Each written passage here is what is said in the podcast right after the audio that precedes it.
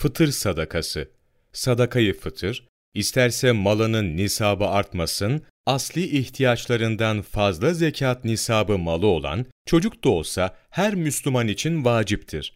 Sadakayı fıtır, hür Müslümanın kendisi için vacip olduğu kadar, fakir olan küçük çocuğu için de vaciptir.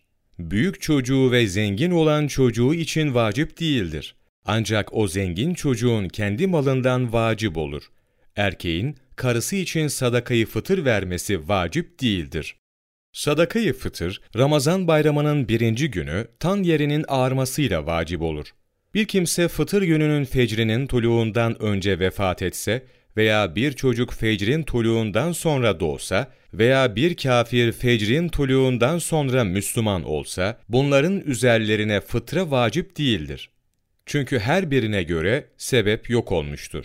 Eğer bir kimse vücubun vaktinden önce fıtrasını eda etse, yani bayramın birinci günü fecr tulu etmeden önce fıtrayı verse, sahih olur. Bir kimse fıtra vermeyi vaktinden sonraya bıraksa üzerinden fıtra düşmez. Onun üzerine o fıtrayı çıkarmak vacip olur. Fıtrayı hemen vermek menduptur. Hemen vermekten maksat, bayram namazı için namazgaha çıkmadan önce eda edilmesidir.